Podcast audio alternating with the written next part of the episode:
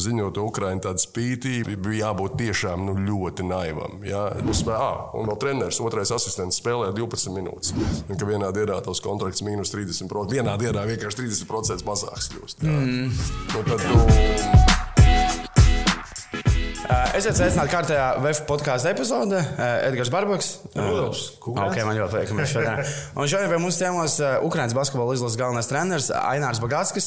Sveiki, Ainār! Labdien! Un, nu, runāsim jau laikam par to, ka, ko šobrīd, man liekas, ir vienīgā lieta, par ko vispār tā vērtīgi un nozīmīgi ir runāt.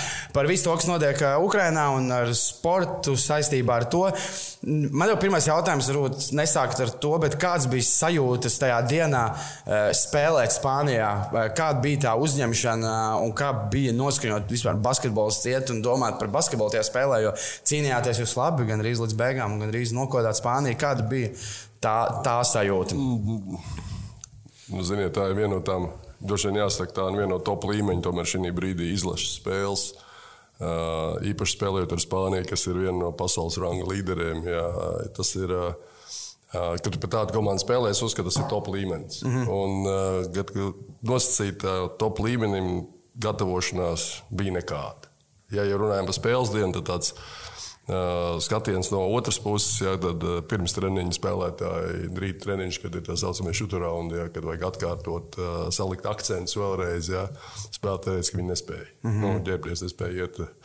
Jā, mēs dzīvojam visi komandi vienā stāvā, pūkstens piecos no rīta. Kad es, es pats nezinu, kāpēc es pamodos, it kā es guļu labi vienmēr. Jā, man ir bija ļoti daudz īziņas. Jā, un tikai viens bija tāds, mans kolēģis uzrakstījis sācies karš.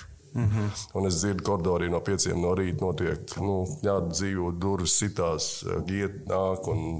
Tur ir skaidrs, kas tur notiek. Jā, jo spēlētājiem nu, tomēr praktiski visiem lielākajai daļai.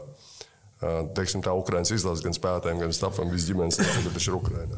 Izņemot tur Prometēju, Prometēju komandas vadība bija laicīgi nu, tā, teiksim, tā viņi bija izdomājuši, lai, lai spēlētāji neaizmuktu, lai neaizbrauktu prom no Ukrainas.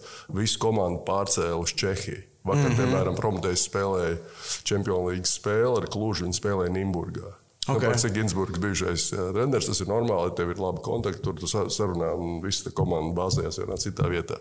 Bet ar ģimenēm arī ir tikai un, nu, ļauj man pabeigt. es nepazaudēju vēl ritmu sarunas. Un uh, daļa spēlētāju viņš teica, ej, ko tur trenēties. Un bija tā, ka uh, četri Ukraiņas izlases spēlētāji daļa, ne četri vai pieci, vai pat vairāk bija aizbraukt. Tie, man interesē, tieši izlases spēlētāji bija ar ģimenēm jau. Viņi pat nebrauca uz Nimburgu, cits aizbrauca uz Spāniju, tā kā atpūtās. Viņiem iedeva, tas priekš manis ļoti interesanti, parasti, ka sezonas vidū tie dod vienkārši 3, 4, 5 dienas brīvs. Jā. Pirms izlases spēlēm. Jā, bet, nu, okay. Tā bija. Un īstenībā sanāca, tas bija pat labi, jā, jo tiem četriem spēlētājiem ģimenes nu, bija jau, bija ārzemēs. Jā, un tad ir eh, tas viss tas jautājums tikai un vienīgi, tikai un vienīgi ar to, kā tur manējiem, kas notiek. Kaut kā mums tur nu, parasti mēs mēģinām, bijuši ierobežot uh, ēšanas laikā telefons, ja, nu, tā, lai vienkārši fokusējās, nu, lai parunājās, mm -hmm. lai izbauda ēdienu gal galā. Ja? Tur, nu, tur nekāda varianta. Nu, tas ir vienkārši, tur redz, ka tas pazaudējis uh, nu, spēlētājs. Ja? Un vakarā ir tikai tas, nu, kāds ir, kā mēs varam katrs sev piespiest, iziet ja, un darīt to, nu, ko, ko mēs vislabāk protam, spēlēt basketbolu. Kāda bija tā atmosfēra? Nu, e, paši spāņu basketbola, spāņu fani, karstnieki. Nu, tur laikam e, varēja kaut kāda tāda sajūta, bija, kad, man liekas, varbūt, kad spāņi gribēja, lai jūs uzvarat. Nu, kāda bija tā nē, atmosfēra? Nē, nē, to, to noteikti. Arī skatītāji. Naivs es neesmu, jā, bet atbalsts. Jā, nu, es negribu teikt, e, ka viņš bija vairāk kā Spānijas izlasē, jā, bet viņš bija nu, vienlaicīgi. Mēs kaut ko labi izdarījām pirms spēles, sagaidīja tunelī, aplaudēja. Mm -hmm. Uh, es vēl uh, dienu iepriekš pirms reņģa satiku Raimonu Feldmanu. Viņš bija pastāžēties, bijis pie Spānijas izlases. Un, uh, viņš arī saka, nu, kā tas ir gatavoties šādos. Nu, vispār, jo tas pēdējā nedēļa pirms tās spēles, jau bija stresaini. Mēs vienkārši izdomājām iepriekš, ja, kad mēs atbraucām trīs dienas iepriekš, vai parasti atbrauc dienu iepriekš uz spēli. Mums, uh, mums izdomājām, ka labāk, lai pusķevojiem nebūtu jābrauc no Gran Canārijas, jābrauc uz Ukrajinu pēc tam atpakaļ uz Spāniju. Jā, vienkārši izdomājām, ka praktiskāk, ja un Spāņi ļoti. Ļoti nu, uzņēma mūs. Esmu pārliecināts, nospiegoju visus treniņus, ko mēs aizvadījām. To dara viss normālā līmenī. Ja. Un, mēs dabūjām vismaz divus, aizvadīt četrus, tā, teikt, tā, četrus treniņus pirms spēles. Parasti ir vakar treniņš, rīt treniņš, mm. un uh, spēle. Un atbalsts nu, vienkārši kolosāls. Ja? Un kaut kādā brīdī Tas atbalsts, nezinu, kas, bet tieši 28. minūtē mums bija pār pa 20 mīnusā. Kaut kā viss sagriezās tā, ka Skriolo vajadzēja ņemt vienu, viņš jau bija gatavs ņemt otru minūtes pārtraukumu. Viss tā sagriezās, nu tā, ka, nu, es negribu teikt, ka varēja aizķerties. Jā, tas pārējais, ko izlases tomēr, nu, tomēr ja spēlētāji spēlē. Uh, Eiropas labākajā līgā vairāk kā 20 minūtes ar, ar stabilu, stabilu minūti, stabilā minūtē, labās komandās, stabila statistika. Ja.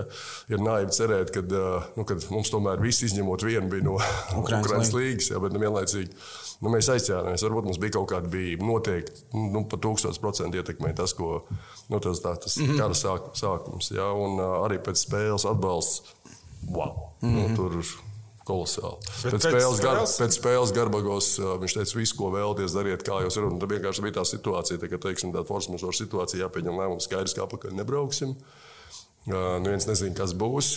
Uh, viņi mums atvēlēja viesnīcu. Tālāk, es teicu, tas nākamais punkts, kur mēs nevaram sēdēt Spānijā. Es saku, nedarīt neko. Es saku, jo kā, kā pateikt, jūs paši zināt, jūs iet sevi, jūs pārdzīvojat. Tev dabūt grūti ārā, tev ir dažādas domas darīt tā, tur darīt to un pārkāpt režīmu un tā tālāk. Es saku, kaut kas jādara. Nu, tā nevar. Es saku, vienkārši beidzam te ņemties un es braucu uz Latviju. Tur es zinu, es uh, apmēram zinu to situāciju, ko kā darīt. Jau iepriekš sazvanījos ar, šeit ar cilvēkiem, man, nu, kas teica, ka izteiks atbalstu, izdarīs visu. Ja, un, un, tā arī viss beigās sanāca. Mēs atbraucām visu trīs dienas padzīvojām Spānijā un atbraucām uz Rīgu. Jā. Ko tagad dara Spānijas, Spānijas ne, bet Ukraiņas izlase? Uh, nu, viss ir pa klubiem. Visi spēlētāji spēlē, uh, treneri nu, nestrādā. Jā, un, uh, ir praktiski visa. Tagad tas viss mans stāvs, viņi ir, viņi ir šeit. Jā. Tagad uh, mēs, uh, ir tāda ļoti laba ideja. Tas, ko mēs atkal, kā es teicu, mēs, tas labākais, ko mēs varam izdarīt Ukraiņai, palīdzēt cilvēkiem, nu, kuriem tur grūti jau dažādiem ceļiem dabūt Nu, viņi tas, ka ne viņu uzdevums pašiem tikt ārā. Mēs šeit norganizējām, vakar atbrauc jau pirmā bērnu grupa ar mamām. Rītā jābūt nākamajai, pēc tam vēl vienai. Jā, un es gribu izmantot iespēju pateikt lielu atbalstu uh, Valkas, uh, Valkas nu, zin, pilsētai. Mm -hmm. ar, Kraukļa kungam par, atbalstu un Baigta kungam Valmierai. Tas ir tie, kas uzreiz atsaucās momentāli norganizēja. Un, bet tās nostādītās vietas jau uz papīra ir aizpildītas, jo ir ļoti daudz tagad tas projekts. Nu, es negribu teikt projekts, negribu teikt nometnes, es vienkārši darīju tā, lai bērniem, lai viņi būtu drošībā. Un nākamais jau tas solis ir, ja tiem bērniem, nu, visi viņi saistīti ar basketbolu jā, darboties. Meklējam iespējas tur, kur ir tur dzīvošana, uzturēšanās, ēšana un uh, treniņa apstākļi. Jā. Protams, uzreiz ir problēmas, visi, bet nu, tās ir tās problēmas, kas mums ir jāpalīdz. Bet basketbols saka, arī tāpēc, lai, lai nebūtu jādomā tik daudz, lai varētu nu, atslēgties nu, vismaz uz kaut kādu laiku. Nu, bet, protams, nu, mēs saprotam, tā ir nu, šausmīga situācija. Nu, nevar komentēt tādu situāciju, ka viņi var būt 21. gadsimtā. Es kaut kur kādā brīdī sev uzķēra. Jā, viens un tikpat labi. Nu, arī mēs varējām būt ātrāk, ja nebūtu mēs NATO, tikpat labi mēs varam būt nākamie. Ja?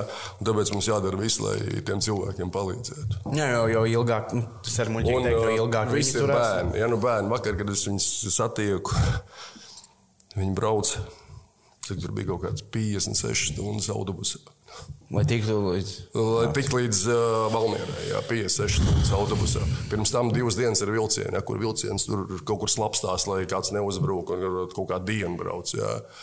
Jā, tad kā somas, tur katram ir mugursoma, nu, maza somiņa, visu jau paņemts ir vispēdējā brīdī. Mm.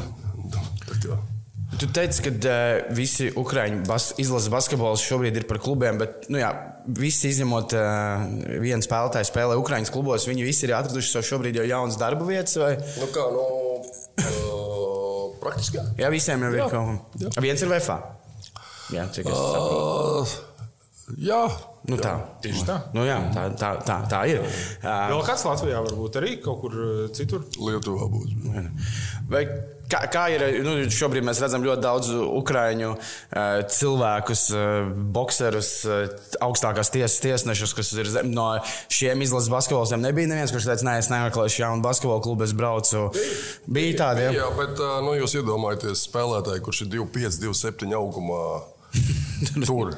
Es jā. iedomājos, bet es neilgi Neilgi, jā. jā, nu, kā jāsaka, ir. Nu, es domāju, ka tomēr dzīve mums liek teikt, tā ir tās lietas paņemt. Kā, protams, es domāju, ka katram pats galvenais darīt visu, ko mēs izjūt no savas tās profesionālitātes, sapratnes, attieksmes varam izdarīt Ukraiņas labā. Mm -hmm. Tā informācija, ko tu dzirdi, piemēram, ziņās, gan Latvijas, gan es nezinu, vai tev sanāk paskatīties kaut kādus uh, citus ziņu kanālus, un tas, ko tu saņem no Ukraiņas, uh, cik viņi ir uh, patiesa, objektīva un cik daudz mēs varam spriest par to, ko mēs dzirdam ziņās. Nē, nē, par to informāciju, jo es laikam kopš 14. gada atkal sācis interesēties par politiku, jā, jo es sapratu, tā ir pilnīgi bezjēdzīga lieta, ja, ka tur augšā kāds kaut ko lemj un cilvēkiem neviens ko neprasa un viss notiek tur kaut kādi.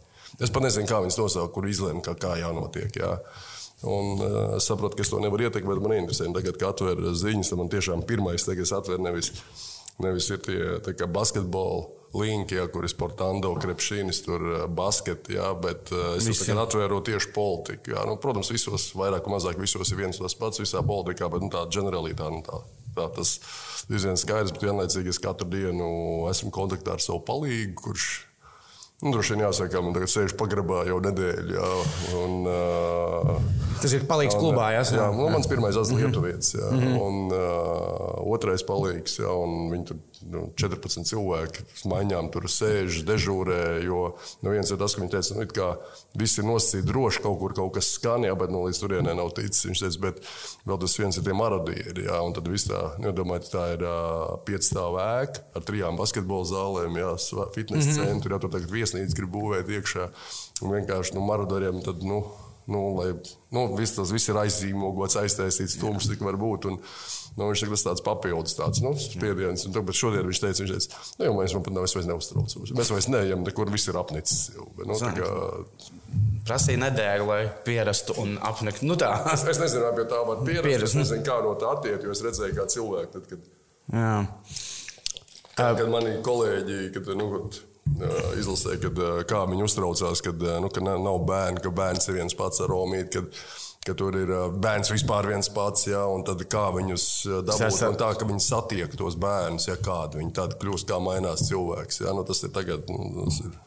Hmm. Uh, tieši no sporta pasaules eh, vēlāk vai agrāk kaut kā tomēr visas organizācijas, kas ir ar lieliem sportiem saistītas, ir izdarījušas savas sankcijas. FIBA laikam, man liekas, ka diezgan tā eh, lēni un negribīgi to visu darīja salīdzinoši. Eh, bet Kā, kā, kā tu skaties nu, no trīs piemēram, latviešu basketbolistiem, tad vēl ir uh, tiesnesis, kurš turpina tiesāt KHL, ir latviešu basketbols, kurš ir palicis spēlēt Krievijā. Tu, vari, tu noteikti esi kaut kur saticis, trenējis ar Čomu Buķanu kaut, kaut kādā brīdī. Tas ir kaut kāds pārsteigums, ka viņš ir pieņēmis šo lēmumu un uh, palicis tur spēlēt. Un... Es uzskatu, ka uh, mēs nedrīkstam nevienu nosūtīt. Jā, jā, es... Mēs nevaram arī, mēs varbūt varam, nu, te, protams, tādā forši komentēt, mēs te akmeni. Jā, tas ir labs. Es, es neprasīju. Nē, nē, es, es, es, es, es, saku, es, es vienkārši uzskatu, ka tas ir atkarīgs no katra paša mm. cilvēka. Un tur augšā kāds, eh, kāds zina, kāds visu redz. Un agri vai vēlu. Nu, kā es uzskatu, tomēr tas, ko tu, tu izturies pret citiem, kā tu dari, kā tu saproti lietas, tas viss nāks atpakaļ tieši mm. tādā pašā veidā. Ja cilvēki uzskata, tas ir normāli, jo es, es, es tikai pateikšu savu viedokli, ja tu tagad strādā ar Krievijas kompāniju, spēlē, nu, kā sportisti mēs strādājam tāpatās. Ja tur, tu, tur pārstāvi savu zemi, bet tu tur esi Krievijas komandas pārstāvs, tad tu atbilst, tu atbalsti diktatūru. Nu, tad, nu, jāatbalsta, atbalsta. Nu, mm. Ko darīt? Tur tas ir Mēs nekad nezinām, nevaram iejusties citu cilvēku kādā droši vien. Jāsaka. Es jau saprotu, ka daži no šiem sportistiem šobrīd, labi, viņi pirms tam tur visi spēlēja arī ātrāk, eh, tam kontinentālā hokeja līgā, cik ir ienākusi informācija. Daži jau ir arī situācijas ķīlnieki. Tur sapratu, ka tur Somijas vārds teica, ka viņš brauks projām. Eh, viņam pateica, klubs, ka tu nekur nebrauks, tad tur būs jāmaksā sots un bla, bla, bla, vispārējais. Nu, kaut kāds tāds, jo skatoties arī no Krievijas superklubiem, nu CSK šobrīd ir palicis viens viespēlētājs, kas ir uh, serbu spēlētājs Milutīnovs. Tad šobrīd vēl joprojām skatoties sastāvā sastāvu lokomotīvu kubaņu. Tur joprojām visi amerikāņi ir sastāvā. Un ir storija no tiem, kā es esmu trenižera zālē. Tad nevar saprast, varbūt tās. Es arī neticu, ka tur seši amerikāņi izdomāja. Tie, kas ir kubaņā, ka šis ir normāli, nu, mēs paliekam. Man bija komanda arī seši amerikāņi. Arī, viņi jau divas pēdējās nedēļas pirms šis viss sākās. Amerikas eh, vēstniecība sūta eh, informāciju viņiem par eh, sākumā evakuēties Sākumā, nu, kā iesaka, pēc tam iesaka evakuēties, pēc tam saka steidzami to darīt, pēc tam mēs jūs divus nedarīsiet, tagad mēs vairs neuzņemamies atbildību un tā tālāk. Ja?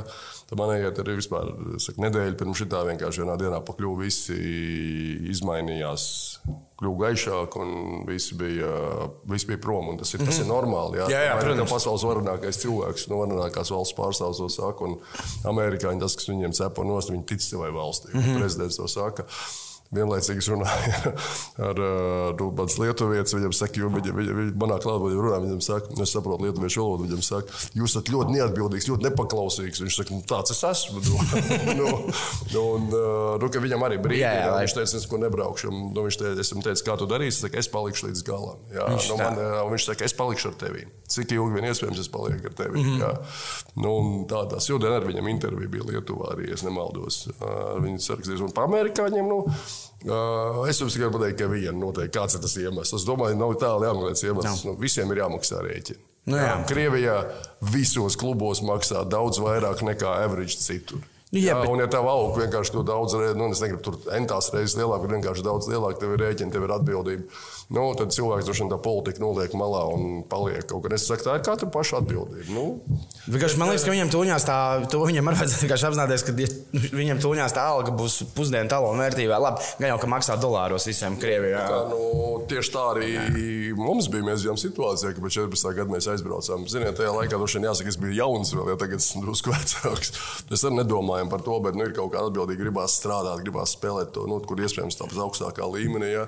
Un ka vienā dienā tavs kontrakts mīnus 30%, vienā dienā vienkārši 30% mazāks kļūst. Ja? Mm. Nu, tad tu.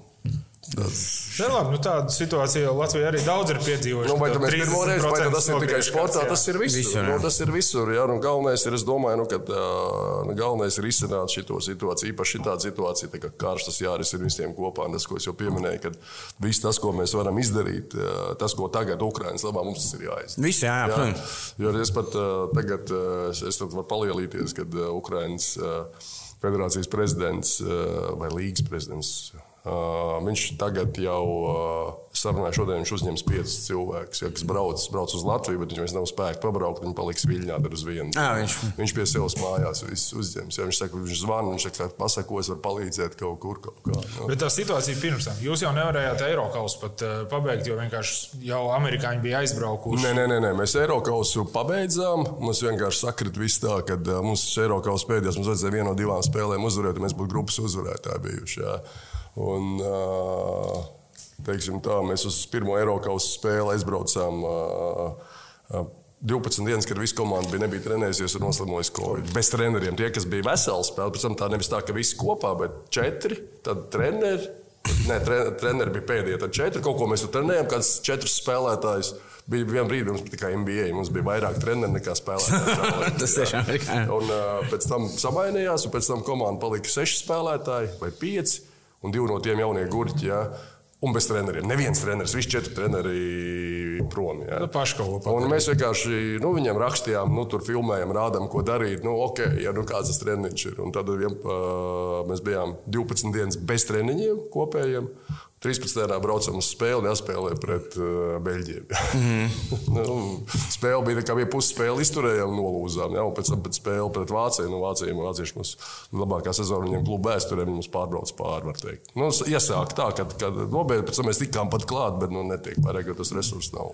Bet daudz tās ziņas, tā tad, eh, nu, gan caur amerikāņiem, gan pieļauju arī citas eh, cirkulēt. Tajā brīdī nelikās, ka varbūt jau tagad ir jābrauc projām kopā ar amerikāņiem. Nu, amerikāņi, vot, mēs atbraucām mājās, un tad mums bija lī- līgas spēle. Un tajā rītā paziņoja, ka tas ir pēdējais brīdis, ka vairs Amerikas vēstniecība neuzņemās atbildības. Ienāca garobē, es redzu, ka nav. Un viss tās runas, un es tur. Nu, nu, Es ļoti labā kontaktā ar Latvijas vēstniecību, ar Lietuvas vēstniecību, ar nu, teiksim, tā, mūsu boss ir politiķis. Jā, ar viņu tur kaut kur viņš teica, nu, varbūt kaut kas kaut kur tur patās, kur parasti tur pašā uz Nu, kaut kur, bet neviens to nevar iedomāties. Un līdz pēdējiem brīdim viņš saka, nu, viņš saka nu, tā ir, nu, viņš, protams, tā ir katra paša atbildība, bet viņš saka, nu, nevar būt nu, tagad, 21. gadsimtā nekas. Jā, un, nu, nevienam jau nu, tā visiem tā likās, mm. -hmm. pārsvarā. Nu, es, kā es teicu, es palikšu līdz tam brīdim, kamēr būs līnija. Līga. Es uzreiz pateicu, jā, nu, tomēr tā ir mana atbildība. Esmu izlases treneris arī tikai kluba. Jā, un tas spēlētājiem, teica, Ukraiņas spēlētājiem, mēs visi ar jums, nu, kad bija tas beigas, jau saka, tad mēs vēl pēdējo spēli nospēlējām tikai ar Ukraiņas spēlētājiem. Tad es domāju, ka mēs uzvarējām pēdējo līgas spēli. Mums vajadzēja baigi svarīgi, lai noturētos stabilitātē trešajā vietā, kur mēs tagad esam. Man bija seši spēlētāji, jā, un tad divi no viņiem - 2, 18, 2, 20. Jā. Tad vienlaicīgi nospēlēja šis pirmais un vienīgais gadījums Ukraiņas līnijas vēsturē. Viņi kopā nospēlēja 30 minūtes. Tas varbūt ne tikai Ukraiņas līnijas. Spēlēja, spēlēja tādu, nu, tādu nestandarta aizsardzību, tā, un tas garākais bija slēgt priekšā. Viņš tā kā zonā saspēles vadītāji. Un mēs beigās tur, tur, tur pārlauzām visu, ja kaut ko devām, bet summā mēs paņēmām spēlēt smagu spēli. Tādu, tur 68, 61 uzvarējām. Jā. Tie ap divi garie gan nobeidzās. Jā, es domāju, ka tur, tur kāds gan uz slimnīcas būs jāvērt, jo garam spēlētājiem nav jāspēlē vairāk kā 30 minūtes, bet nebija citas iespējas. Bija 5,5 spēlē, un vēl treneris, otrais asistents spēlēja 12 minūtes. Viņš, A, otrais asistents spēlēja, viņš uzspēja pieteikt. Uz, uz soliņa bija trīs juniori, divus no viņiem redzēja pirmo reizi, ja viņi no junioru komandas.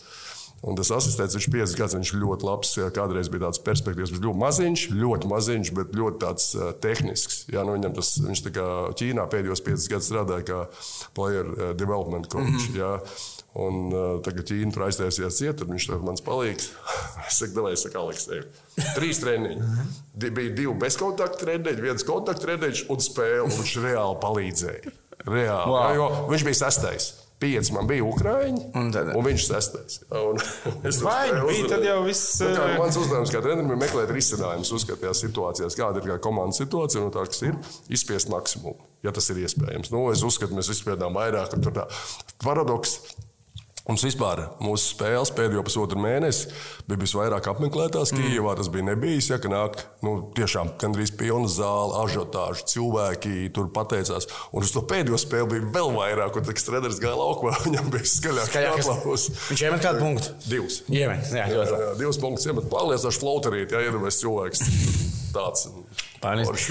Tas, ko es gribēju pajautāt par Ukrajinu, tas, kas daudz tagad ir mēdījos rakstīts, ka tas, ko Putins neapzinājās, ka ir Šobrīd ir pilnīgi cita Ukraina. Tu esi strādājis Ukrajinā pirms 2014. gada, pirms notika tās lietas, kas notika Krimā, kad sākās vispār karš Ukrajinā. Tāpēc man liekas, ka tagad ir sācies karš Ukrajinā. Karš Ukrajinā ir kopš 14. gada.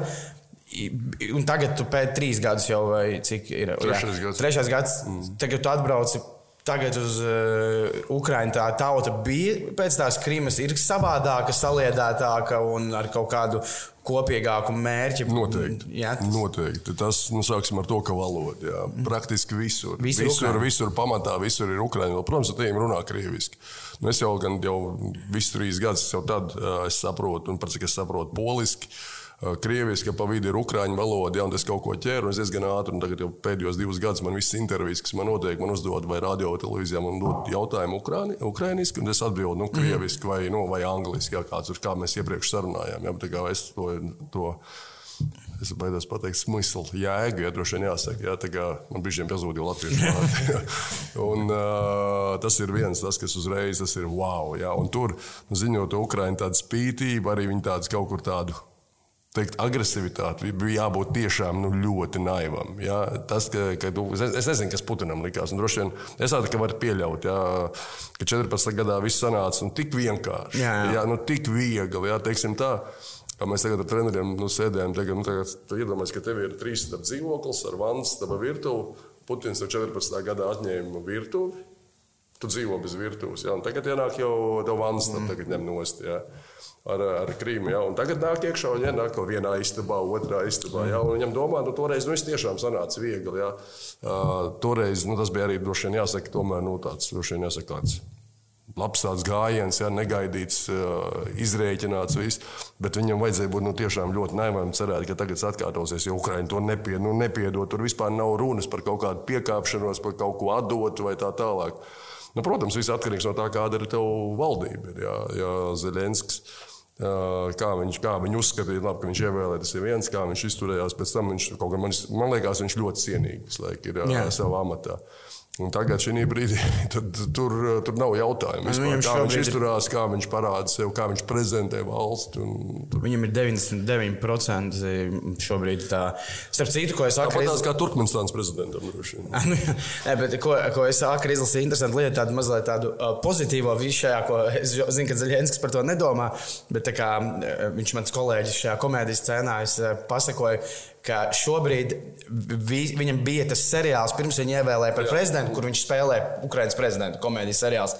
Šobrīd Amerikā visur šo seriālu pērk, visas traumēšanas tulko, un tas šobrīd tas seriāls Protams. piedzīvo kaut kādu renesansi visā pasaulē. Paradoks ir tas, ka viss tās Krievija Droši vien arī Latvijā pasaulē pērk kaut kāds amerikāņu, angļu seriāls, jā, pēc tam pārtaisa tā, tuvāk savai īstenībai. Ja? Tagad tas ir droši vien tāds gadījums, ka jā, jā, viņš pretējā virzienā. Šis ir aizgājis. Nu, es teiktu, ka viņš ies arī vēsturē, nu, kā 21. gadsimta varonis. Nav, nav jārunā, man liekas, vairs nākotnes formā. Īstu varonību jau mēs šajā gadsimtā neesam droši vien tā piedzīvojuši. Nu, jūs tagad varētu, jūs uh, vairāk dzīvojat Latvijā, pieņemsim. Es, es kā es teicu, es ziņas nelasu, un kad atver un tur rakstīts, tur, nu, kas ar ko ir apprecējies, tad tur ir uh, seksuālās minoritātes, vēl kaut kāda zona, ot, nu, Andris vēl tur, vēl kaut kas. Jūs iedomājaties, cik tas bija sīki viss, jā. par ko notiek tagad runa. Jā? Nu, kas ir tiešām reāla problēma, ka nebija īstenībā cilvēkiem, nu, tāda, nu, kā saka, nebija varoņi. Tagad Zelenskis, Ukraina, un tie ir varoņi. jā, jā, protams. Es sāku, man pēc izšķirākas notiek tas, ko viņi darīja. Man kādreiz dzīvē sanāks kaut kāds kautiņš, jākaujās, un viņš pateiks, viņš ir Ukrāņš. Es viņam atdošu mākslu no telefona. Vakar, vakar, piemēram, nu, mēs kaut kur pēc desmitiem bijām Almjerā, nu, tur bērni paēda, izmitrinājām viņus, un mēs tad braucam prom un stāvam tikai nu, ar saviem treneriem. Tur, nu, tur ar ģimenes locekļiem runājam, piebrauc policijas mašīna, tagad atceļ stāv, atceļ runāju telefonu, tā piebrauc un skatās uz maniem. Un es, es beidzu runāt. Es domāju, kas tagad būs. Tas ir nu, pus, jau 10, pus 11, kaut kur tumšs. Bagāts kungs, vai viss kārtībā? Ir. Es saku, jā, paldies vai tie nepareizi runājošie nav tūmā, nav uzbāzušies. Es saku, nu, nē, nu, lai tik pamēģina. Man tas fizruks, viņš ir drusciņā ar austrumu cīņām saistīts. Es saku, man ir kibors stāv, un es tādu ar ironiju mēģinu, tā kā ar joku. Viņš saka, nu, ok, bet drošības pēc mēs te visu laiku būsim apkārt. Ja? es, saku, nu, es, es neuzskatu, es neuzskatu, ka pie vainas ir krievu valoda, krievu tauta. Ja? Krievu cilvēki, tā ir krautāja varena tauta, varena cilvēki. Ja? Tā, visādās jomās, ja? bet tas, ka vienkārši viņi ir Kaut no otras puses, viņi jau paši to ir nu, Jā. kaut kā neapzināti vai apzināti veicinājuši. Tas, ka tas ir tā situācija tagad tāda. Nu, valdības jau ir tādas, kā mēs ievēlamies. Nu. Kāda sajūta no tās puses, eh, no Ukrainas puses, kāda pienāk ziņas, jo ir eh, nedēļa ir pagājusi. Un, nu, jau astoņas dienas. Jā, man, man bail domāt tādās eh, basketbola teiksim, kategorijās, bet vienalga, nu, Vēfs arī var nospēlēt labi pret CSK. Vienu ceturdaļu, divas ceturdaļas. Ja kurš var nospēlēt vienu spēli? Es varu pateikt, man ir čoms, kurš ir, es tieši sporta terminoloģijās prasīju, man ir čoms, kurš ir tuņās vēstures doktors no 16 gadiem zemesardzē. Viņš sporta terminoloģijā šo, kas šobrīd ir noticis, salīdzināja ar hokeju. Viņš teica, tā, ka ir nospēlēta pirmā trešdaļa, un Ukraiņa ir vadībā 4-1, bet nu, ir perioda pārtraukums, kur uh, var uh, nezinu, uzlaist varbūt pirmo mājiņu sapuri. Nu, apmēram tā viņš man šobrīd šo. Kā, es es droši vien nerunāšu basketbolu. Nē, nē, es domāju, man jau es varētu salīdzināt, izplūst salīdzināt nu, jā, ar spēlēm, jo man diezgan labi atmiņā daudzas manas spēles ir. Kaut kā man šodien dēls, viņš teica, Nu, tagad taču būs uh, kausa fināls. Viņš ir atceries savu kausa spēli 94. gadā. Dūmuli pret, nevis dūmuli, bet jā, SVH brocēni pret saku, bonus. Es mēģinu atcerēties, man pirmais paredzēja, kur es biju. Es atceros, es biju Latvijā, tas ir ok. Es saku, kausa, nē, viņš saka, kāds rezultāts ir trīs varianti. Viņš sauc tur 150, 103. Es saku, tas, es reiz saku, tas ir tas gads, kad Valters izdomāja, ka jāspēlē NBA. Es atceros, mēs aizbraucām uz Stūkumu un tur gandrīz 200 punktus iemetām. Kauns, nē, spēlē. Kad bija 48 minūtes? Valsts izdomāja vienu sezonu spēlēt 12 tikai NBA. Un tas arī tas fināls. Viņš saka, kurš rezultāts? Es saku, es nezinu. Es toč, viņš saka, vai es reiz saku, nezinu, provocēs, ka es tur biju. Viņš saka, skaties, tavu bildi, būtu es tievāks nekā es. Bet eh, par mazliet vēl par sportu un šīm sankcijām. Eh, tu esi arī strādājis Krievijā un eh, ik pa brīdim ir diskusija. Es vienkārši gribu saprast, man liekas, ka krievu cilvēkiem tas kaut ko nozīmē. Ik brīdim ir diskusijas, vai no šī ir jēga, tā ir jēga. Un, piemēram, nu, tādas tās sporta sankcijas, ka krievi ir nu, no visurētas nokancelēti, nobenot. Bet tas, man liekas, tomēr arī var izraisīt, man liekas, tautā arī kaut kādu sacelšanos, kaut ko triggerot. Jo nu, krievi liekas, kuriem ir šausmīgi svarīgi, kad mēs tur Lučija Eiropa, mēs tur hokejā to un to atbalstītu. Un, nu, kā, vai krievu kā, kaut kādai pašapziņai tautai, ar kā vēl viens tas, kas varētu veidot kaut kādas sacelšanos pret varu šīs sporta sankcijas. Nekāda. Visi daudz maz domājoši cilvēki, es saku, daudz maz mm -hmm. domājoši cilvēki. Nu, nu, nav yes. labi tas, tas, ko dara Putins pirmām mm -hmm. kārtām. Ja? Otrs, vai tu vari iedomāties tagad, piemēram, Es, piemēram, nevaru uzreiz iedomāties nevienu komandas sporta veidu, kur ir kontakts, un tagad iesi spēlēt pret Krieviju, un tev viņi nepatīk. Piemēram, nu, es runāju par Ukrāņu, tas vispār izslēgts. Es atceros tos uh, laikus, kad, uh, nu, kā es teicu, kad Dienvidslāvija izslēdz ārā gan futbolu, kad pēdējā brīdī tur pas uh, Dānija. Dānija un dabūja Eiropas čempionu titulu. Uz basketbola čempionātiem viņas nelaida. Ja? Arī tas viss bija. Ja? Un tur vienā brīdī kaut kur likt, nu, likt tās izlozes, lai tās komandas savā starpā nedod Dievs, tur bosnieši nespēlē. Tagad Viss ir no normāli pagājis ir laiks. Tagad arī ir kaut kāda līnija. Kaut kāds jau 14. gada nedrīkstēja. Pagaidiet, atcerieties, 13. nevajag. 13. gadā mēs spēlējām, kāda mums grupa bija Eiropas čempionātā. Divas Baltijas valstis un četras Bosnija, Bosnija, Horvātija, Maķedonija un Serbija. Lūdzu! Un tur baigi interesanti. Man bija tiešām, mēs braucam, un tur man, mēs Slovenijā padzīvojam, tur treniņu nometni pirms tam taisīs, kā tur būs. Tur viss būs normāli. Un pēc spēles skaties, tur maķedonieši, serbi, tā pa gabalu tur nu, saskandi, nu, fani, fani, varbūt, bet, bet vienlaicīgi fani. Un tie jau tie agresivitāti tieši veicina, un sāsina, kā bieži vien, ja, ja, ja, nu, ja tā to ņem. Un es tagad, piemēram, šī brīdī nevaru iedomāties, ka.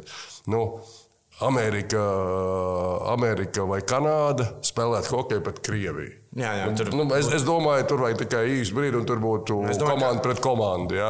Jā. Uh, basketbolā nu, tas, ir, nu, tas ir neiespējami. Nu, iedomājieties, pat parādīt tas fakts, tas, ka nu, mums pieminēja lokomotīvi, nu, tur paliek, jā. Jā, bet pārējās komandās viss, viss nav. Visi. Viss, pat, pat ārzemnieki, pat tie, kur saņem daudz miljonu līgumus, pat tie ir prom. Visi, visi ir prom. Jā, un tagad kā, kā iedomāties spēlēt Žalgiris? Nu, cepuri nost, ja pirmie pateica. Jo tas jau ir, tas nav vērts pret uh, sportu, pret Krievijas sportu, nav pret Krievijas cilvēkiem. Tas ir pret, pret režīmu. Nu, ja tā to var, es to saprotu. Bet šajā brīdī, ja nomainās, eh, nu, agri vai vēl, tas notiks nevis jā, bet nebūs, kas tas nu, tas, tas tikai jautājums ir kāds. Tas, jā. ka notiks, tas skaidrs. Tajā brīdī, jā, es domāju, nevienam nebūs nekāda nu, tur būs, atplēstām tur rokām. Būs, tur būs, nu, tas taču ir skaidrs, tur būs viens, divi lēmumi. Nu, lēmumi ir, tāpēc viņus pieņem, lai viņus pēc tam varētu izmainīt. Nu, vienkārši vienmēr saka, lēmumiem jābūt pamatotiem. Un šitas ir tāds lēmums, tur ir. Nu, es, nu, labi, tu pieminēji tos pāris mūsu sportistus, kas vēl ir. Jā. Tas šodien, nu, kā es teicu, es kaut ko palas, ka Coca-Cola vēl sēž tur. Jā, jā. starp citu, Coca-Cola. Forši, es, es varu iedomāties tikai kāds viņiem biznesa tur ir. Jā, jā. jo viņi nu, tev stāv nauda augstāk par cilvēkiem. Nu, ok, atkal, nu, tā ir viņa, tā ir viņa izvēle. Nu, tā ietekme šausmināties. Mēs, es nezinu, es godam vajadzētu iedomāties, es nedzeru Coca-Cola, bet ja man vajadzētu ieliet, saliet, Kokolu es droši vien nepirku. Tagad. Man ir kaut kāds mans mazais tāds protests. Es šodien izmetu Kokolu, jo man mājās bija Coca-Cola, kas bija pirkta kaut kad eh, pirms tam. Šodien es viņu izmetu. Bet eh, par tām sporta sankcijām es zinu, tu, tur jau bija skandāls. FIFA grib, visi gribēja, lai izslēdz Krieviju pēc tās 14. visu, ko izdarīja FIFA, jo FIFA arī tur ir diezgan laba draudzība ar Krieviju, kāpēc viņiem bija pasaules kausa futbolā.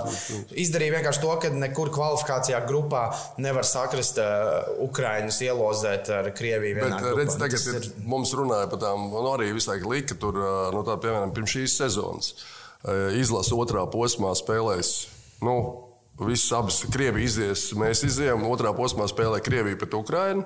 Un tagad kausā, uh, FIBAS kausā mēs spēlējam. Nu, mums pēdējā spēle izšķirās, vai mēs tiekam vai nē. Ja mēs neizējām, mēs pret pārmu spēlējam. Pār, nu jā, lūdzu, pārmu spēlēja pret Prometēju par pēdējo ceļzīmes čempionu līgu arī.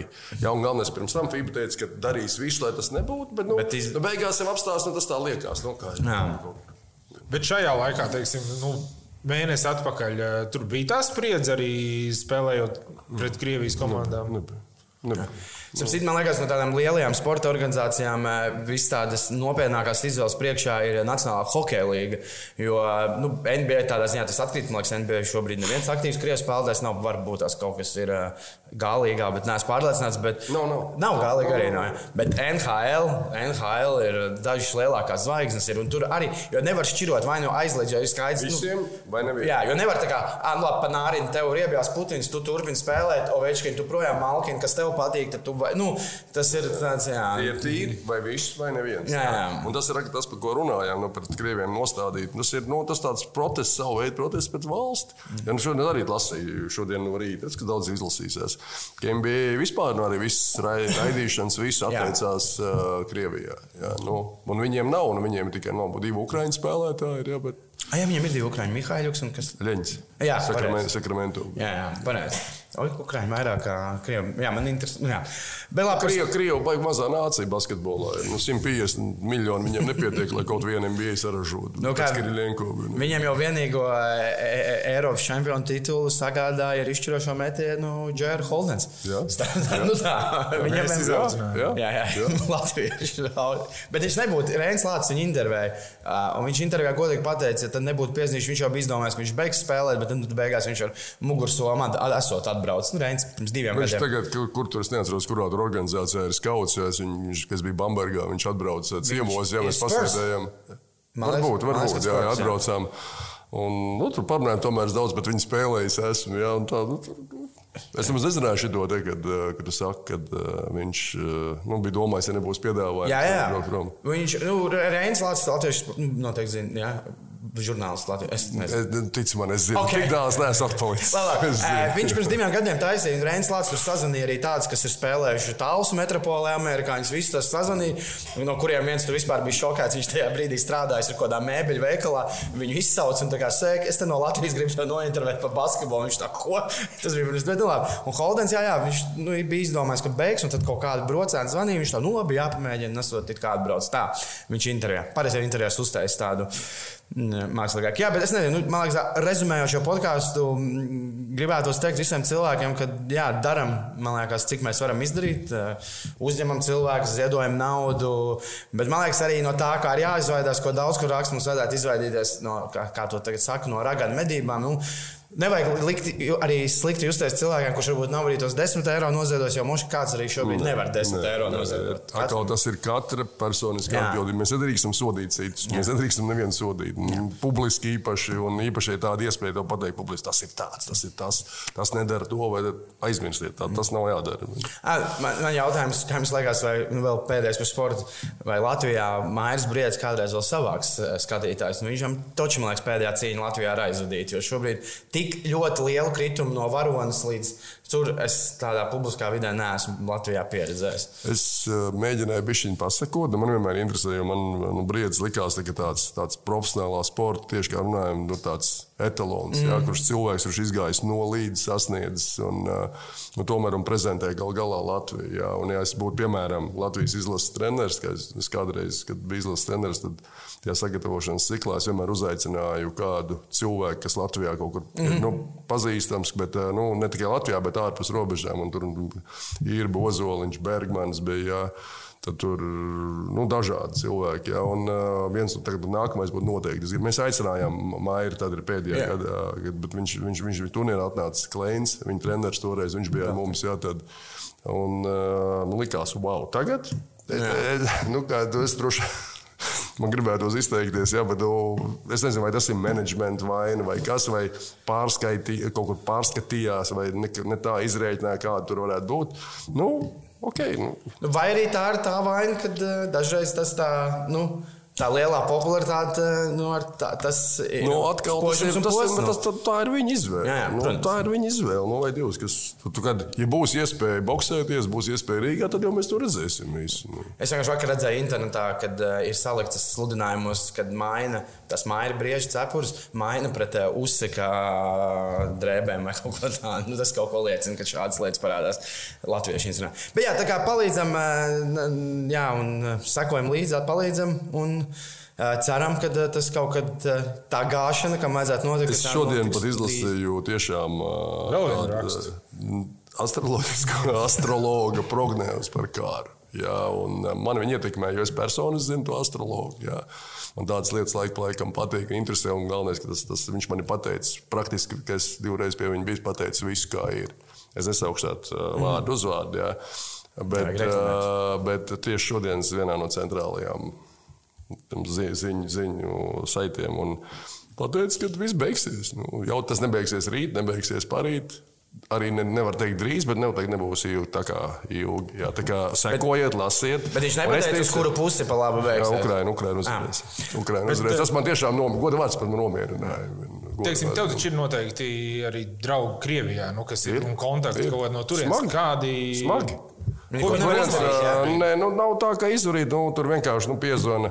Es zinu, ka Džeks tāpat tās kā es gan arī sāku šņukstēt, jau jā, tur klausa, pasaka, piedod. Viņš čau pēc tam tur pasaka, nu, tā nav mūsu izvēle. Jā, nu, tur kā tev iet, vai tu esi drošībā, apmēram. Jā. Es saku, nē, es gaidu jūs. Nu, es te pat tā stāvu, man meklēšu pišķiku, tu tās gaidu tevi. Nu, tā pa jokam, tas viss ir. Un uh, ir, un nu, tiem, kas man un neviens ķipa, nu, varbūt viens ar vienu runāja, viņš tā kā pietēlē. Viņš, nu, es jau teicu nesen jūsu kolēģiem, nu, ko tu tur. Ko tu tur izdomājāt? Ko jūs tur braucat? Prom mums taču forši visi spēlēt basketbolu. Saku, jūs uzbrukat ar tankiem, jūs bombardējat, jūs šaujat. Un tu uzskati, tas ir normāli. Nu, labi, labi, nu, labi čau. Nu, tad, nu, tad, nu, tad, bet, bet atkal. Tas ir tam cilvēkam, protams, katram ir brīvi griba, vai viņš ir zombēts vai nē. Es domāju, ka tomēr daudz maz normāli cilvēki nu, nav zombēti. Viņi saprot, bet atkal tas ir nu, Krievijas valsts, nu, viņi ir varena valsts, tomēr uztaisīt šiem gadiem. Viņiem ir daudz naudas, un ja tu esi atkarīgs no tās naudas, un kā es teicu, šovu biznesu vispār stāv. Protams, ka visi saka pret kāru. Labi, tur bija tādi pāris, kas uzskata, ka normāli. Nu, tur, es savā melnajā sarakstā ielicu pāris tos, ka tur saka, ka tas ir normāli. Ja, tas ir absurds. Nu, dēļ, dēļ kā? Tas ir kā paradoks, tagad jau mazāk valsts ķipa aizstāvās, un lielie mums vajag palīdzību. Mēs lielie, no viņiem aizstāvamies. Tas sanāk, tā, ka mēs vienmēr uzbruktu Amerikai. Tagad, apmēram, kā, nu, mēs radām baigā, baigās briesmas viņiem. Nāks mūs glābt tagad kāds. Jā, bet tā informācijas telpa tomēr ir tik liela, ka būtu naivi un tik spēcīga, ka būtu naivi domāt, ka tas aparāts nestrādā. Nu, tad tiešām, nu, kur tad jūs tos uh, miljonus, miljardus iztērējuši šo nu, gadu laikā? Ļoti labi zinām, nu, pastieties, tas publicējas, Lekna Vaļnī fonds, lai publicē, kur tas ir iztērēts. Nu, tur tāda nauda. Nu, Pili redzēja. Nu, nu, labi, tas viens ir nu, tikai tā... pīle, bet apstieties. Es saku, es pat nevaru iedomāties toreiz, ka 14. gadā kad uh, tas, tas blēdis, kā viņi sauc, tas Ukraiņas bijušais Janukovičs, yeah, tas aizlaidās prom. Prezidents? Prezidents jā, jā. jā, jā. Tas, nu, tas, kas ir 14. gadā, un tad tur bija prokurors, jā, arī viņiem, nu, viņiem mājās atrod naudas istabu. Ja, un tad Krievijā tu pēc tam redz, ka tu laik pa laikam kādam no valdības, kādiem mazākiem tādiem nu, nozīmīgiem darboņiem, tu atrod tur naudu. Tur, piemēram, viņam istabā ir kaut kādi 15 miljoni, ja, ne, ne jau rubļi. Ja, un, un tad tu, tu, tu kādas iespējas ir valsts aparātam. Ja, es, kas ar šito, es, kad aizbraucu uz toreiz 11. gadā uz Ukrajinu. Tur jau tā bija daudz pazīstamu latviešu, un viņi teica, tāds, jau tad bija valsts legālais rekets. Ja? Vienkārši šeit, mēs iedomājamies, kā tas viss ir Krievijā. Krievijā tas viss saistīts. Ja tas ir šeit tik, tad tur ir desmit reizes vairāk. Mm. Ja? Tā zeme vienkārši daudz lielāka. Nu, bet ļoti pravietiski. Re, kur ir tā nauda, ko tu uz tās uh, naudas gulēji, jo, ja būtu viņa ārzemju bankās, tad uh, skaidrs, ka viņa tiek uh, uzliktas sankcijas. Krievijas bankās tev vispār viņu var nacionalizēt vai, vai vismaz nu, iesaldēt. Tagad es saprotu, ka tur nav vairs tā vērtība tam rublim vairs nav. Rublim vispār nav. Nē, nu, ne vispār, bet nu, nu tūtām. Jā. Jā, jā. 50 cents reperis tagad uh, Krievijā saucās 1800 rubļi. Nu, tā kā tāds jau tā kaut kā klejoja. Nu, tagad es šeit palīdzēju saviem kolēģiem. Mēs katru braucam tur viņam naudu samainīt, un tad nekur Ukraiņu grīvus nepieņem. Mm. Un tad viens, es neatceros, kurš tas kantors bija Viņi saka, mēs varam nedēļā parādīt Ukrāņu pasi. Nedēļā 50 eiro samainīt. Un es saku, nu, es, es nevaru arī samainīt, palīdzēt. Es arī savu pasaku, man ir uzturēšanās atļauja. Es dzīvoju Ukrajinā, nu, kas legāli viss strādāja. Viņi saka, ne tikai Ukraiņas pilsoņi, bet tikai 50. Es saku, 50 nedēļā. Nu, tā nav Ukraiņa. Ukraiņā varbūt varētu izjūgt, tomēr tur cenas savādākas, dzīves dārdzība tur noteikti daudz mazāk nekā šeit. Viņi saka, mēs jau tā nodarbojamies ar labdarību, jo šitā, šitas, ko mēs darām, tie, viņi saka, tie tagad ir fanķiki. Nu, tā nav mm. nauda. Šī šeit. Tur viņi viss tāda, tur viss nekas nav mainījies. Arī tiešām, jā, es izmantoju tagad bankas karti, visu Ukraiņas, visur es runāju. Šodien vēl ir viena kolēģa, drauga, kas ar Ukraiņu, kuram biznesa. Šis viss notiek maksājumi, viss ir pēc kursa, pēc laba, viss nav, nav problēmas. Jā. Bet, Bet tieši šeit uz vietas, šeit Ukraiņā, agrāk viss varēja, gan turku nav, jā, jā. viss rublis, viss. Ukraiņa nav, tagad ir fanķika Latvijā. Jā, nu, tas arī droši vien saprotams, nu, ka kaut kāda. Protams, ja tu negribi, vai nu tu nodarbojies ar labdarību, vai arī. Jā, tas arī cepuri nostiek, kad viņi zina, ka kaut vai bezvērtīgi, bet viņi kaut ko vismaz dara. Protams, biznesa ir biznesa, jā, arī, arī skaidra lieta. Jā. Un arī cilvēki, kad tur man teica, ka treneris stāsta, viņam tur sieva ar meitiņu brauc ārā no, no Ukrainas. Viņi tur šķērso un beigās ar mašīnu nobraukšies divas dienas, grib nu, viesnīcu atrast rietumu Ukrajinā. Un tur uzliek vienkārši pa gultas vietu, paprasti jau 300 eiro. Ja, kur pirms tam maksā varbūt 5 eiro, tev paprasti 300. nu, viņi saka, nē, nu, tu brauks tālāk. Nu, nauda ir tik, cik viņi ir vienmēr. Ja, un cits atkal vienkārši saka, kur ir pazvan tur, nu, tur uz basketbola klubu, pasaka, klausies, nu, mums nav kur palikt. Džeks saka, reku, to mājas atslēgas paliec. Cik jūs tur esat? Pieci, cik kāda darbība paliek? Tas kaut kā mēs katrs to, to reaģējam. Citam tas ir kā, kā vienmēr. Nu, kā, tas ir karš. Kā man Ukrainā viens biznesmenis teica, karš. Tas ir, man ir labi iespēja paņemt to, kas, kas, kas nav piesiets. Ja, es varu paņemt to, man ir nauda, es varu visu sevi. Ja, kā, nu, kā, kā mēs uzskatām, tā ir traģēdija, šausmas, citam tas ir biznesa. Bet pēc tādiem kara nu, likumiem vai, nu. vai izpratnes, ja tu, piemēram, tā kā tu teici par eh, viesnīcām, pacēla nepamatot tajā kara laikā cenas, mm pārtikai vienalga vai, vai naktsmītnei. Tas tiek uh, definēts kā marodierisms. Tas bija otrajā dienā. Es nezinu, kā tagad ir. Ja? Nu, kā man patīk tās bildes, kad parāda, ka tur kāds piesiets marodieris vai kas ir, ja? ka viņi apbežo. Es uzskatu, tur ir. Nu, jābūt ir, kā saka, jādarbojas pēc kaujas, eh, pēc kara apstākļiem. Tur ir uz vietas. Tur nu, nevar, jo tas ir viena pažēlos, otru pārējie sapratīs, jo tas ir tā tas pūļu instinkts. Jā, viņi palaida, es arī pamēģinu. Arī tur kaut kas ir. Starp citu, sakoju, tur tā, tā palaišana beidzās tad, kad um, viņi diezgan visu laiku teica, padodieties, mēs jums tur iedosim siltēju, palaidīsim. Līdz viņi dabūja Ukraiņu to tanku, jo visi jau teica, ka oh, mēs uz mācībām braucam. Un tad, kad viņi dabūja tos plānus, kur jau īstenībā 18. janvārī visi krievu karavīri zināja, kad brauks uz Kievu, un tad jau arī tur viss karītājs, nu, mēs jūs vairs tā kā nebarosim ar siltēju un to ir. Es tagad vairāk domāju nevis tos, kas tos krievu karavīrus. Bet man, es sapratu, es sapratu, bet tos vietējos. Jā, jā. Domāju, nu, kādam, kādam tā ir reāla peļņas iespēja. Nu, Jā.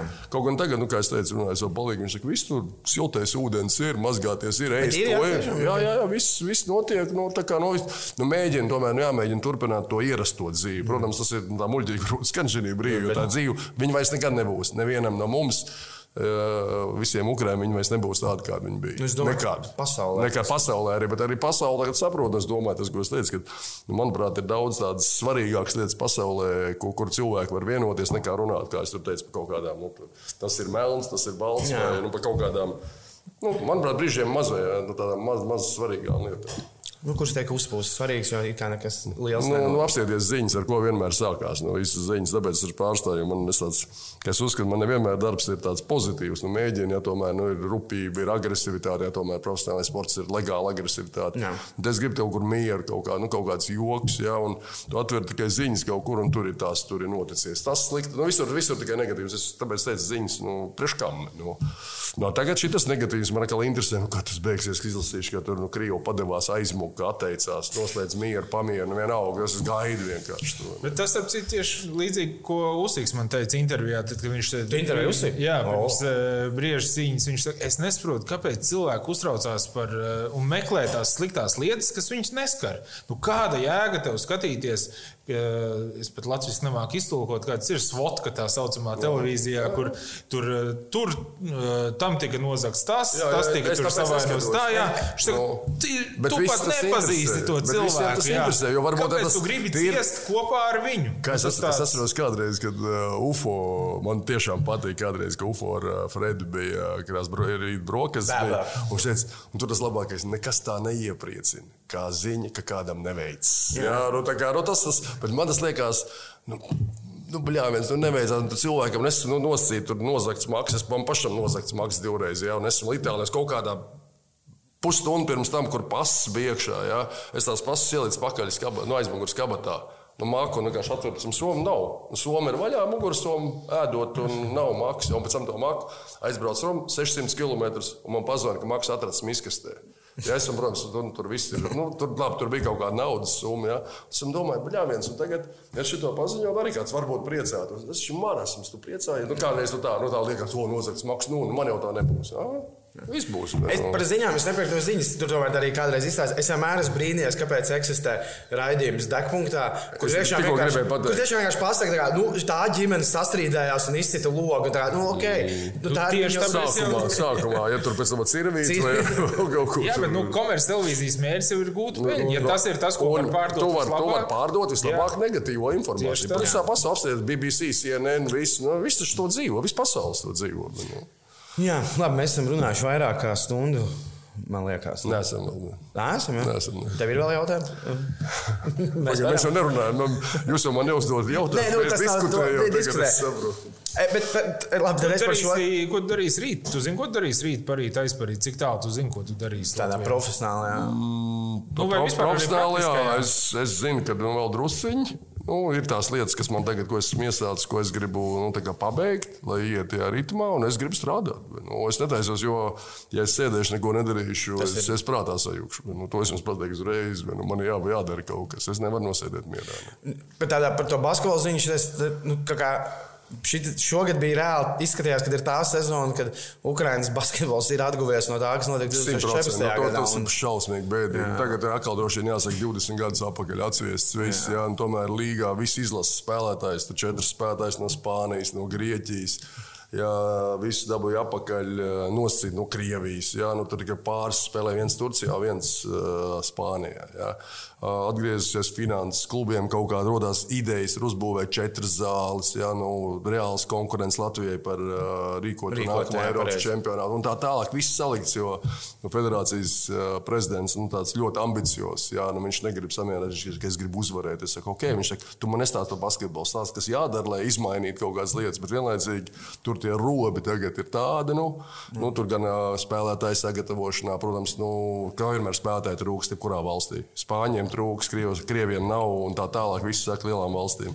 Tā Ukraina nav izņēmums. Jā, un, uh, bet galvenais tagad beidzot. Es saku, nu, kāpēc nevar? Nu, tagad, es saku, mums Latvijā. Es saku, tas piemērs, nu, ka Krievijas gandrīz katrā ciemā tur ir olimpiskais centrs. Vismaz minimums viena zāle, tur dzīvo 3, 4, 5 tūkstoši, bet ir komplekss kaut kāds sports vakar, kad iebrauc Valmērā parādīt. Kā tas var būt? Mm. Nu, 30 tūkstoši iedzīvotāji, vai ir pat es nezinu. Ir. apstāties, ka, kas, kas ir. Un tas tikai tāda lielāka pilsēta. Jā, bet tas ir visur, jebkurā ciemā. Nu, Ukrainā nav. Nu, nav. Nu, tur tā zāle, kurā, kurā ka mēs spēlējam, tas labākās, viņas ir vecākas nekā es. Mm. Jā, sporta pilī vēl spēles notiek. Nu, jūs atceraties, kāda izstījās sporta pilsēta? O, jā. Nu, tieši tāda pati izstījās. Es biju de- 19. gadā Kievā. Nu, Nu, aizgāju speciāli paskatīties, kāda ir Nu, sporta. tā, tā sporta pilsēta ir, un tur, protams, zina tās aizkulisēs, ja kāda ir tās, tā, tās, tas populārākais vārds ir uh, Ukrainā atkāt, ja, nu, krieviski. Mm. Nu, Cik tu saņem atpakaļ? Tu kaut ko dari, vienmēr cik tu saņem atpakaļ, kurā profesijā. Ja? Un tas tagad, protams, ar cilvēku apziņām to mēģina dabūt ārā. Ja? Man tur bija jākārto bankas lietas. Kaut kur nu, tu man tur stāv, tur vispār aiziet pie kāda. Tur visu laiku jāņem līdzi atcerieties, kā kādreiz. Tas ir normāli, ka tu meitene aiznes par to, ka viņas dara šokolādi tur, nu, vai kaut ko tur. Bez tā Nevar jo, nu, kā jau saka, jo viņiem ir mazs augs. Mm. Es zinu, cik tas mazs. Nu, viņi tur saka, nu, nu tur 200 eiro mēnesī. Ja? Un tad cilvēkam, protams, nu, viņam taču jāmeklē iespējas, lai kaut ko piespēlētu. Tas viss, ko nozīmē, to apēl likumu. Un, manuprāt, tas galvenais jau tas ir viens ir likums, otrs viņi arī izpildīja to likumu. Ja, beigās, jā, viss kārtībā, viss sakārtots, bet tas viss nenotiek tāpat vien. Tāpēc, Nu jā, tāpēc ka sistēma- cilvēkam jādara savs darbs. Ir kaut kāda dodies- pašregulācija Un- tajā brīdī. Par tām zālēm runājot, jā, nu tagad tur uzbūvēja. Tur, uh, mēs tagad spēlējām zā, zālē. Mums bija kausa spēle ar otrās līgas vienu no top komandām. Jā. Nu, uzvarējām visu zāli. Nu, es, es pat nevaru salīdzināt. Es neesmu Latvijā spēlējis tādā zālē. Jā. Toties viņiem tagad, beidzot, viņiem jau bija nākamgad būtu. Uh, Premjerlīga, nu, pilsētā. Es atcerēšos to tās. Un uh, tur viņiem jau ir 3000 jaunu zāli. Tagad jāpabeidz. Es nezinu, kā tagad. Jā, Nu, to mēs nevaram zināt. Meļņitski, jā, tas arī ir uz rietumu Ukraiņas pusi. Jā. Un paredzēts jau, ka nākamgad būs 14 komandas. Rovnā vēl viena, tur Lvovu grib dabūt apakaļ. Un tomēr 40 miljonu zemē jābūt tām zālēm. Es saku, bet, ok, pat ja būs, būs komandas, pēc tam būs zāles, nav Ukraiņas spēlētāji. Nu, tur jātaisa, jo Ukraiņas spēlētāji viena no retajām līgām, kur, piemēram, vēl pagājušajā gadā laukuma bija jābūt divām Ukraiņu pasēm. Ja, un šogad ir vienam. Viss Ā, tā kā nu, būs bet- laukuma, jā, viena no retiem. Es, baidos, es, es nezinu, kā tiešām kā ir Izrēlā. Jo agrāk bija, nu, agrāk bija Izrēlā, kas jau tur bija strādāja arī. Tad, tad, bija, tad bija divām jābūt. Un, tas ir tev katra maiņa, iedomājies, katra maiņa tev ir dubultā gandrīz. Tas nozīmē, bez trījiem vietējiem spēlētājiem tu vari spēlēt ar pieciem ārzemniekiem. Jā? Bet vienam laukumam jābūt, Jābūt ir. kas bija Buļbuļsaktas, bija tas labākais vietas, tāds, tāds teiciens. Kluba direktors tur mums nu, smagu spēli vinnējām. Tad Jānis nu, Strēlnieks jau spēlēja nu, smagu. Tiešām tur izvilkām tos ukrāņus. Tur kaut kāds vēl labākie divi man bija traumēti. Meklējām tiem pārējiem. Nu, to vienu, kas kaut ko palīdzēja. Tur kaut kādā spēles brīdī, spēles laikā mīnus 20. Tur, un tur meklējām, meklējām, beigās vienu atrast. Viņš nospēlēja 12 minūtes, viss statistika nulles. 12 vai 14 minūtes. Viss statistika nulle. Un pēc spēles mums GMs viņam piegāja klāt, paldies tev. Tiešām laba spēle. Tu netraucēji spēlēt. Es teicu, ja man tā pateikt, es, čau, es, es beidzu spēlēt. Zinu, kā nu, man pasaka, tu baigi labi nospēlē, jo tu netraucēji nevienam spēlēt. Es ja? Bet, Un viss statistika par nulli. eh, nu, tā, protams. Latvijā tad ir labi top komandās tāds augsts Nu, nebija. cik jā. daudz latviešu 13. un 14. gadā spēlēja? Atcer, Ukrainā? atceries, kāda, kādas komandas Azomāšu, Mariju, Jā, tas pats. Buļbuļsaktas. Ukraiņas līgā vispār pirmajās kaut kādās, tur desmit komandās budžeti bija. Tur virs jau par, par šādu principu, ja tev vajag obligāti tās eh, divas pasas, tad jau tāds, nu, kurš netraucē, jau ir labs. Tad iedomājies, kurš kaut ko māk. Viņš saņem Nē, eh, nu, automātiski nekā paši atceries, kādreiz tā bija Krievijā, jo tur bija tas limits spēlētājiem, kādas augas Krievijas spēlētājiem. Turcijā bija jā, nu, nenormāli. Nu, nu, tas viss, tas, tas insights, nu, es, to- es to zinu. Jā, tas, tas vienkārši ir tik bagāts klubs, un viņam maksāt spēlētājiem par to, ka viņš nespēlē. Nu, manuprāt, tu nopērci, nu, nav svarīgi vietējais vai, vai, vai, vai ārzemnieks, un tu jau pēc pakalpojumu no spēlētāja, pēc kaut kāda rezultāta. Jā, bet tu nopērci pasi. Jā, nu, tur par, Bet- par sēdēšanu uz skolas spēlēt CSK. Tur 14. spēlētājs aug tik. Nu, jā. uh, Stambu Fenerbačē tu esi kaut kāds 9, 10, bet bez tevis nevar. Jā. Nu, apsties, tagad skatījos spēli, tur Efes pilsēna spēlēja, es nemaldos, viņiem bija 11 ārzemnieki. Jā. Jā. Super, super tur komanda. Un mēs brīnamies, vai tur labi tur strādā. Tur viņi ir tādi, viņi ir tādi. On, viņi bija vienīgie, kur divus gadus atpakaļ pacēla budžetu par 40% Eirolandā. Un nopirkt ne jau jaunas spēlētājas. Attīstīt, bija- viņi nopirka jau, nu, teiksim tā, nopirka rezultātu. Tāpat tās kā CSK, kur nopērts rezultātu, nopērts jau kvalitatīvu spēlētāju, kurš sev jau parādīs, kur ir nu, jābūt, ir, teiksim tā, baigi jāmāks.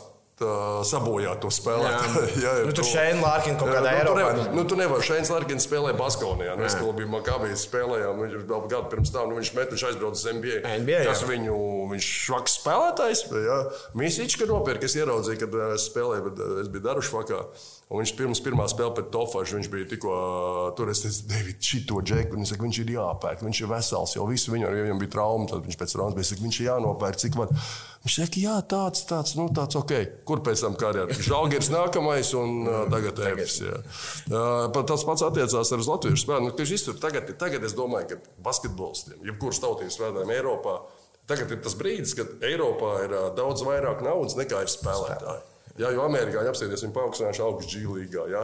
Tie, kas tur tuvojas tam NBA, nu, viņi negrib braukt, jo viņiem pietiek. Viņš tur labāk Nu, viņi grib būt tuvumā. Ma, ma, maļās tur par to G līgu, un tad tiem desmit dienu kontaktiem tur mēģina tur nokļūt.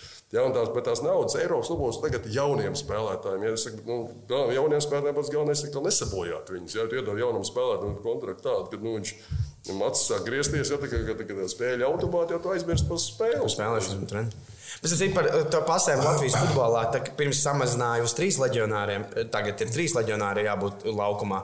Kādreiz bija pieci, vēl pirms diviem gadiem Latvijas. Un tad bija joks, ka kā, kādā pozīcijā tu spēlē futbola klubā Rīga eh, Latvijas. Nu, Ā, Latvijas, pozīcija jā, ir. Latvijas. Nu, Okay, nu, tur, tur, kā, tur, tur, tur jāsaka, ka tas nu, nu, ir tā, ir tā, ir tā situācija. Es domāju, ka vienmēr jābūt balansam. Jā. Nu, jebkurā gadījumā es domāju, ka katrai komandai. Nu, kad man, es atceros, Dārzs stāstīja, kādreiz viņš, viņš bija Baskonijā, viņš spēlēja pret Barcelonu. Laikam tas bija pirmais gadījums Bas- Spānijas basketbola vēsturē. Ne 24 spēlētājiem neviens spānis nebija. Jā. Jā, es Uh, tad iedomājieties, mēs sakām, ka Spānijas līnija labākā tā un tā tālāk. A, Kāpēc to nedarīt? Zini, kā, nu, lai tam tirgumam, es uzskatu, ka labākais tās dzinulis priekš uh, attīstības, lai tu progresētu, lai tu kļūtu labāks, ir konkurence. Tikai viņai jābūt pamatotai. Jā, protams, nevar būt, neizaugs noteikti, ja tev konkurence būs tā, ka tu treņos izsit visu to savu enerģiju, un tāpat tev nav skaidrs minūtes, tu vienkārši, nu, tur kaut kādā brīdī tu, es, tas ir solis atpakaļ.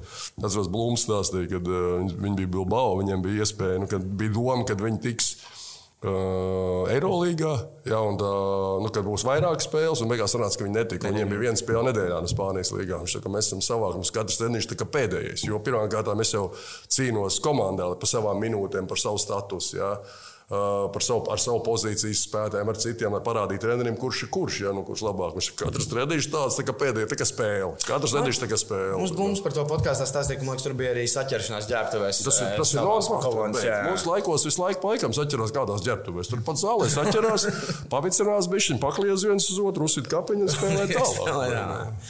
Bet, nu, man liekas, futbolā jau tie, tie limiti tiek veidoti ar domu, ka, ok, tu taisi arī savu akadēmiju, un tāpēc un audzini spēlētājus nu, tādā veidā. Latvijā, teiksim, LBL, kur tad mums ir tās komandas ar savām akadēmijām apakšā, kas varētu izaudzināt savus spēlētājus? Nav, tā, nav tā sasaisti. Man tas ir tas, ko tu tagad teici. Tas ir, es jau teicu to entās reizes, entos gadus, ja tas man tā vājākā, sāpīgākā tā, tā, tā tēma un arī tas Droši vien jāsaka, jāsaka jā, jā, jā, jā.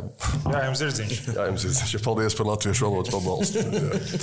un, nu, piedomājieties, visus gadus mums kādreiz kādi budžeti bija Rīgā, Baronam, ASK, VFam kāds budžets Vēnspīlī. Ja, un, es, es, es tiešām nesaprotu lielākoties, protams, liel, kāpēc tajās laikā, kad tev ir tiešām nauda, tev ne tikai komanda, nauda ne tikai pirmai komandai.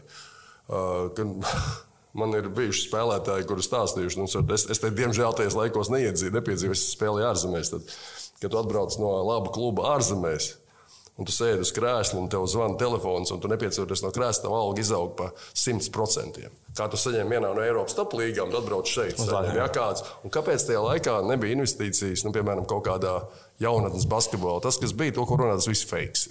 Ja, vienlaicīgi viņš varēja atrast, kāpēc es no vienas puses nesaprotu Otrs puses, es zinu, kāpēc. Kāpēc visi jaunie basketbolisti, kas kaut ko parādās, jau parādās, viņi mēģina braukt kaut kur prom uz Spāniju vai, vai kāpēc tiem jauniem spēlētājiem, tiem viņu aģentiem, kāpēc viņiem nav tāda. Teiksim, tā ticība par to, ka vajag šeit palikt. Tomēr, ja? nu, tur mēs sāksim, not, var, sāksim varbūt ar Vecvagaru, ar Bertānu. Ja, tajā laikā, kad nu, tur bija skaidrs, ka jābūt ar Porziņu, ja, ar Šmitu. Ja, tur jābūt atvainot aklam. Vai, vai neprofesionāli, vai nepateikt, ka tie ir spēlētāji, ka tie ir talanti. Ja, bet katrs talants ir jāattīst. Jebkurā gadījumā. Ok, varbūt Spāņi piedāvā vairāk naudas. Okay. Uh, mēs paši zinām, kā iziet cauri Spānijai. Jebkurā gadījumā tā ir gaļas mašīna. Mēs zinām šos veiksmīgos uh, nu, piemērus. Nu, tikko teicu, Kristaps, jā, Rolands. Bet nu, cik daudz ir? Uh, tādi tieši pretējie piemēri. Rektor's spēlētājs aizbrauc jau un pēc kāda laika viņš izmet traumas pēc vai es Tomēr es uzskatu, ka šeit nodrošināt, mēs esam valsts, mums ir normāla līga arī tagad. Nu, ok, varbūt baigi nekotēs, piemēram, VFam ir super situācija, tomēr var dabūt gan ārzemnieks, gan čempionīgs. Es arī, ka visi spēlētājs tos prasmu, vienmēr ir kauss. Un, Es saku, ir, man, nu, teiksim tā, man ir vieglāk dabūt tos, kurus es gribu. Nevis tos, nu, kas citam nav vajadzīgi, bet tieši tos, kurus es gribu. Jo Eiropas ir ļoti svarīgi, ka tas ir visiem kaut kur ejot. Jā, un tieši tas pats ir labi, no, jauniem spēlētājiem. Ja, tev, tev viņi jāatzīst, tev jāredz tā, nu, kā es saku, tā vīzija, nu, kā būs apmēram rīt, parīt, nu, kā sezonāli. Ja.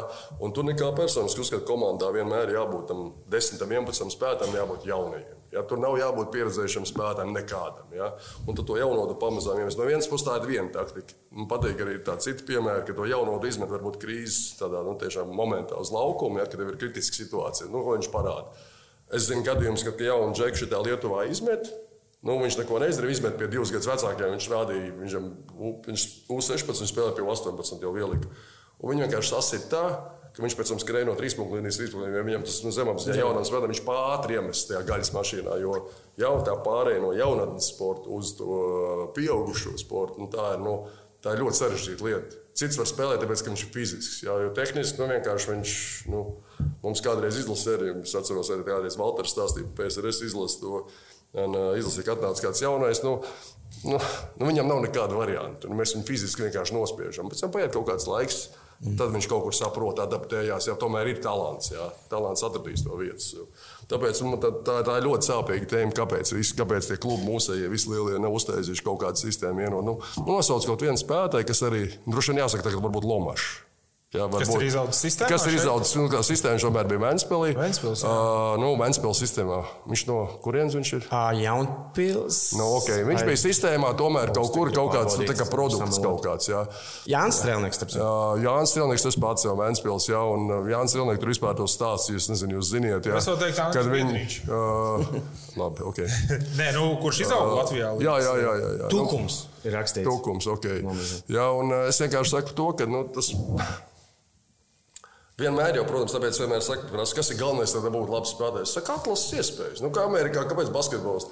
Nu, ticiet man, mēs zinām, Amerikā, kā trenē, kur trenē. Es esmu Karjolo tagad diezgan daudz nu, komunicēju pēc pirmsspēles, pēcspēles ar dažādām NBA, tur tādām kaut kādām lietām. Citiem treneriem, nu, tie, kas ir bijuši Amerikā, tur redz, un, tu, cik daudz eiro amerikāņi atbrauc uz eiro spēlē. Nu, kā viņi ir? Liekas, wow, viņš ir apmācīts. Viņam metiena tehnika šausmīga, sapratne kaut kādiem lēmumiem, pareiziem, nepareiziem. Ne? Okay, tur aizsardzības katrā komandā ir savādāk. Tu viņu noliec zonas, jūs- ko jūs spēlējat zonas aizsardzību. Okay. Skaidrs, kur tu biji. Es laikam biju šeit. Okay, tur noliec zonas aizsardzībā. Viņš tev pēc piecām sekundēm viņš ir tur. Tur pat nav pamatojums, kāpēc tu biji tur. Man likās, ka tā zona viņam zīmē, rāda, ka šis kvadrāts ir. Tu nedrīkst viņu pamest. Tev jāredz viens cilvēks, es saku, beigās tā atrod vienu stāvu ar to skaidrs, un viņš vienalga ir tur. Es saku, kāpēc? Nu, man likās, man. Es saku, tev nav nevienā, tev jāstāv un šitā tev visu laiku. Kā labāk gribēja mhm. Nē, jau gan nav speciāls slikts. Un tad tu, tu redzi tā sistēmu, tad tu saproti, tomēr nu, mēs kā treneri nu, neesam slikti. Un uh, Amerika, nu, tomēr Amerika, tāpēc, ka cik tur 350 miljoni. Nu, kāpēc lai viņiem nebūtu labākais basketbols pasaulē? Protams, tas ir visi biznesa, kā ir uztaisīts, tas ir wow. Jā, tas kā tas tās organizācijas spēļu, viss, kā notiek, kāda apstākļa treneriem tiek nodrošināta. Jā, bet uh, noteikti, noteikti, es domāju, nu, visi norm, normāli Eiropas treneri varētu atrast darbu Amerikā. Bet Mums tur neviens negaida, nelaidīs. Arī. Tur, tur jau treneri daudz ir vienkārši arī trenē basketbolu, bet viņš ir arī sporta skolotājs, kurš pēc tam pavasarī trenē beisbolu. Nu, tā. Nu, man Nu, patīk, ka es uh, kādreiz interesējos to. Es salīdzināju, kāda jaunā spēlētāja attīstība tur līdz 16 gadiem Eiropā. Es spēlēju Francijā, es tad rakstīju maģistra darbu. Francijā, Latvijā un Amerikā. Ja? Un Amerikā līdz 12, 13, 14 gadiem tev nemaz nav komanda. Tu paši vecāki. Savu institūciju. Jo nav skolas, jo tie divi vecumi tur kaut kādi līdz 16, un virs tie divi 15 un 17. Jā, laikam, jā, tur, kad spēlē. Nu, tu, protams, 12, 13 gados tu tajā komandā līdz 15 netiec, un pēc tam ir tas otrs vecums. Es biju Lasvegasā uz uh, finālu, kad sabrauc tieši šitām 15, 17 Amerikas finālā. Tur sabrauc kaut kādas simt komandas. Un es braukāju pa zālēm, skatījos, un tur pazīstam, nu, amerikāņu spēlē. un Viņi vienā vietā dabūja otro vietu, otrā ceturtajā palika. Jā, un tad tu redz, nu, kādas tie spēlētāji, kāds tas atlētisms, kāds tas viss ir. Nu, nu, tad tu saproti, nu, kāpēc, kāpēc viņi rodas, kāpēc, saka, kāpēc amerikāņi ir labākie pasaulē basketbolā. Nu. Es atlasē. Nu, labi. Paldies tev! Paldies, Ainā. Ļoti forši Šajā saruna. saspringtajā laikā jāatrada laiku. Ņemiet pa labu. Un uh, tiekamies. Uh, jā, bet jā, atceramies, palīdzam. Ja varam, tad palīdzam, palīdzam Ukraiņai. Palīdzam Ukraiņai. Kaut vai ar domu, nezinu. Uh, Vislabāk! Весело. Весело.